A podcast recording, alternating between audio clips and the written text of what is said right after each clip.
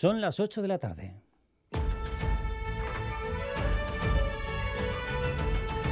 Crónica de Euskadi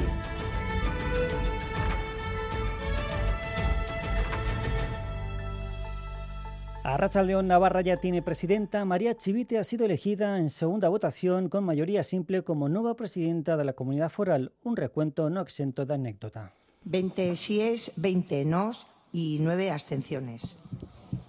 21 síes, perdón, 20 noes y 9 abstenciones. Eh, el subconsciente. Sí.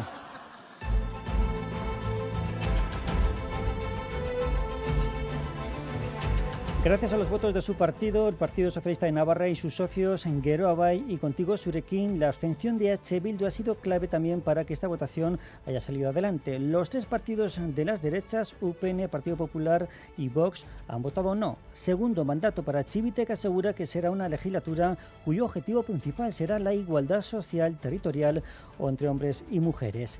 Desde la oposición, ayer los socios de gobierno, Abay y Contigo Surequín, le pedían más ambición con el euskera y en otras materias mientras que desde la oposición EH Bildu insistía en que estarán vigilantes y la derecha por su parte afirmaba que será una legislatura de retrocesos.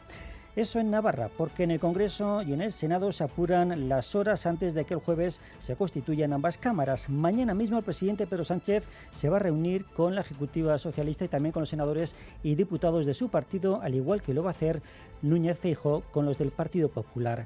Si antes fue Coalición Canaria quien proponía el PNV para presidir la mesa del Congreso, ahora mismo, noticia última hora, el Partido Socialista acaba de anunciar que va a proponer como presidenta de la Cámara a Francina Amergol, la expresidenta de Baleares, para que presida la Cámara Alta.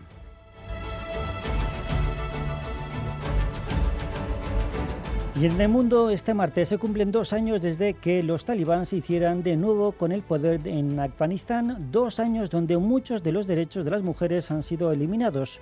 Una de ellas, la recordarán, huyó y se refugiaba aquí en Bilbao Nilofar Bayat. El deporte fue su salvación, pero las dificultades le siguen persiguiendo. No estamos en casa desde el momento en que dejamos nuestros hogares. A todo el mundo le gusta hablar su propio idioma, vivir en su propia cultura, a su manera. He tenido demasiados cambios repentinos, por eso no está siendo fácil para mí.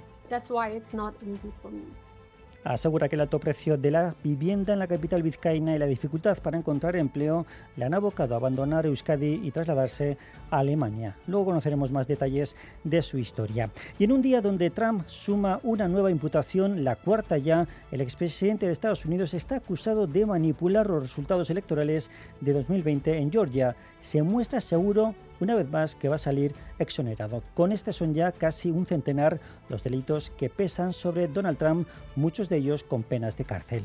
Y en casa, hoy es un día de tradición como la de visitar a la Machu de Begoña durante toda la noche y el día. Miles de personas se han acercado hasta la Basílica de Begoña para adorar a la patrona de Vizcaya y pedir su intercesión. Una fecha donde un año más el alcalde de Bilbao, Juan María Burto, bailaba el obrescu ante los ciudadanos y ciudadanas y pedía convivencia y también respeto de cara a las próximas Astenagusia. Toda la ilusión ¿no? para esta Astenagusia que está también en puertas y que sea de verdad una Astenagusia donde, donde la, convivencia sea la única protagonista y que sea una Astenagusia libre de todo tipo de agresiones.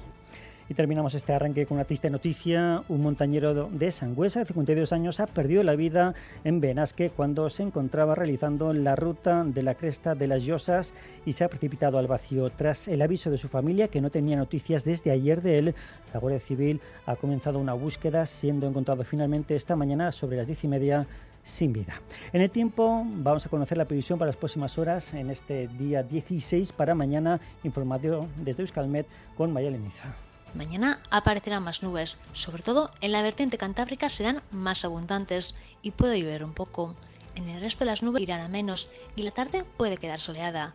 Pero mañana también en el sur el viento del norte soplará con cierta fuerza durante la tarde y a últimas horas se puede dar alguna tormenta.